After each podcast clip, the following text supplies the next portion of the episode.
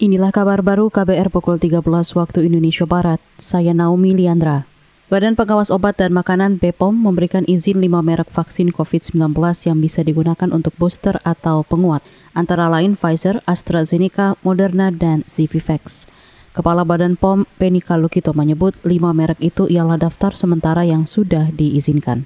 Dan telah tentunya sebelum mendapatkan emergency authorization dari Badan POM, telah melalui proses evaluasi Eh, bersama para uh, tim ahli Komite Nasional Penilai Obat atau Vaksin dan telah mendapatkan rekomendasi memenuhi persyaratan yang ada sehingga bisa dilanjutkan dengan proses pemberian emergency use authorization. Pertama adalah vaksin CoronaVax COVID-19 Bio Farma. Ini adalah untuk booster homolog yang akan diberikan sebanyak satu dosis setelah enam bulan dari vaksinasi primer dosis lengkap untuk usia 18 tahun.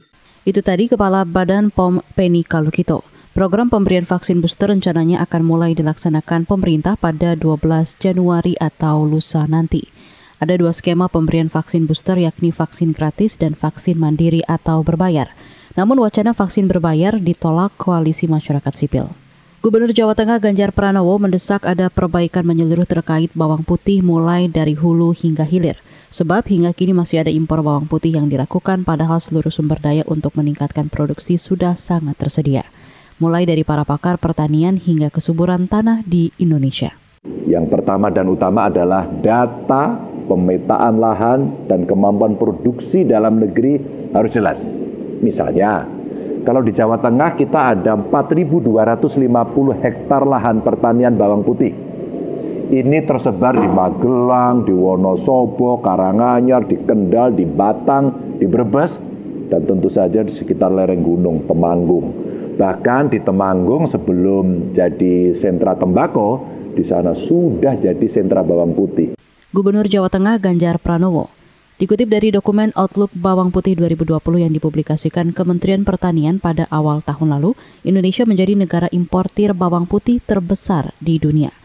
Fakta itu berdasarkan data Organisasi Pertanian Dunia atau FAO periode 2014 hingga 2018. Indonesia merupakan negara importir bawang putih terbesar di dunia dengan rata-rata volume impor bawang putih sebesar lebih dari 500 ribu ton per tahun. Menteri Energi Filipina Alfonso Susi meminta Indonesia segera mencabut larangan sementara ekspor batubara sebab kebijakan Indonesia itu merugikan ekonomi Filipina yang sangat bergantung pada batubara guna menggerakkan pembangkit listrik.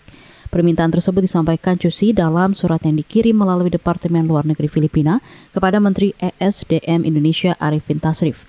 Alfonso juga meminta Departemen Luar Negeri untuk menjadi penengah dan mengajukan banding atas nama Filipina melalui mekanisme kerjasama ASEAN. Selama ini, Filipina membeli sebagian besar kebutuhan batu bara negara itu dari Indonesia, selain dari Australia dan Vietnam yang harganya lebih mahal. Sebelumnya, pemerintah Indonesia melarang sementara ekspor batu bara hingga akhir Januari ini. Pelarangan bertujuan memprioritaskan pemenuhan kebutuhan batu bara untuk industri dalam negeri termasuk PT PLN. Demikian kabar baru KBR, saya Naomi Liandra.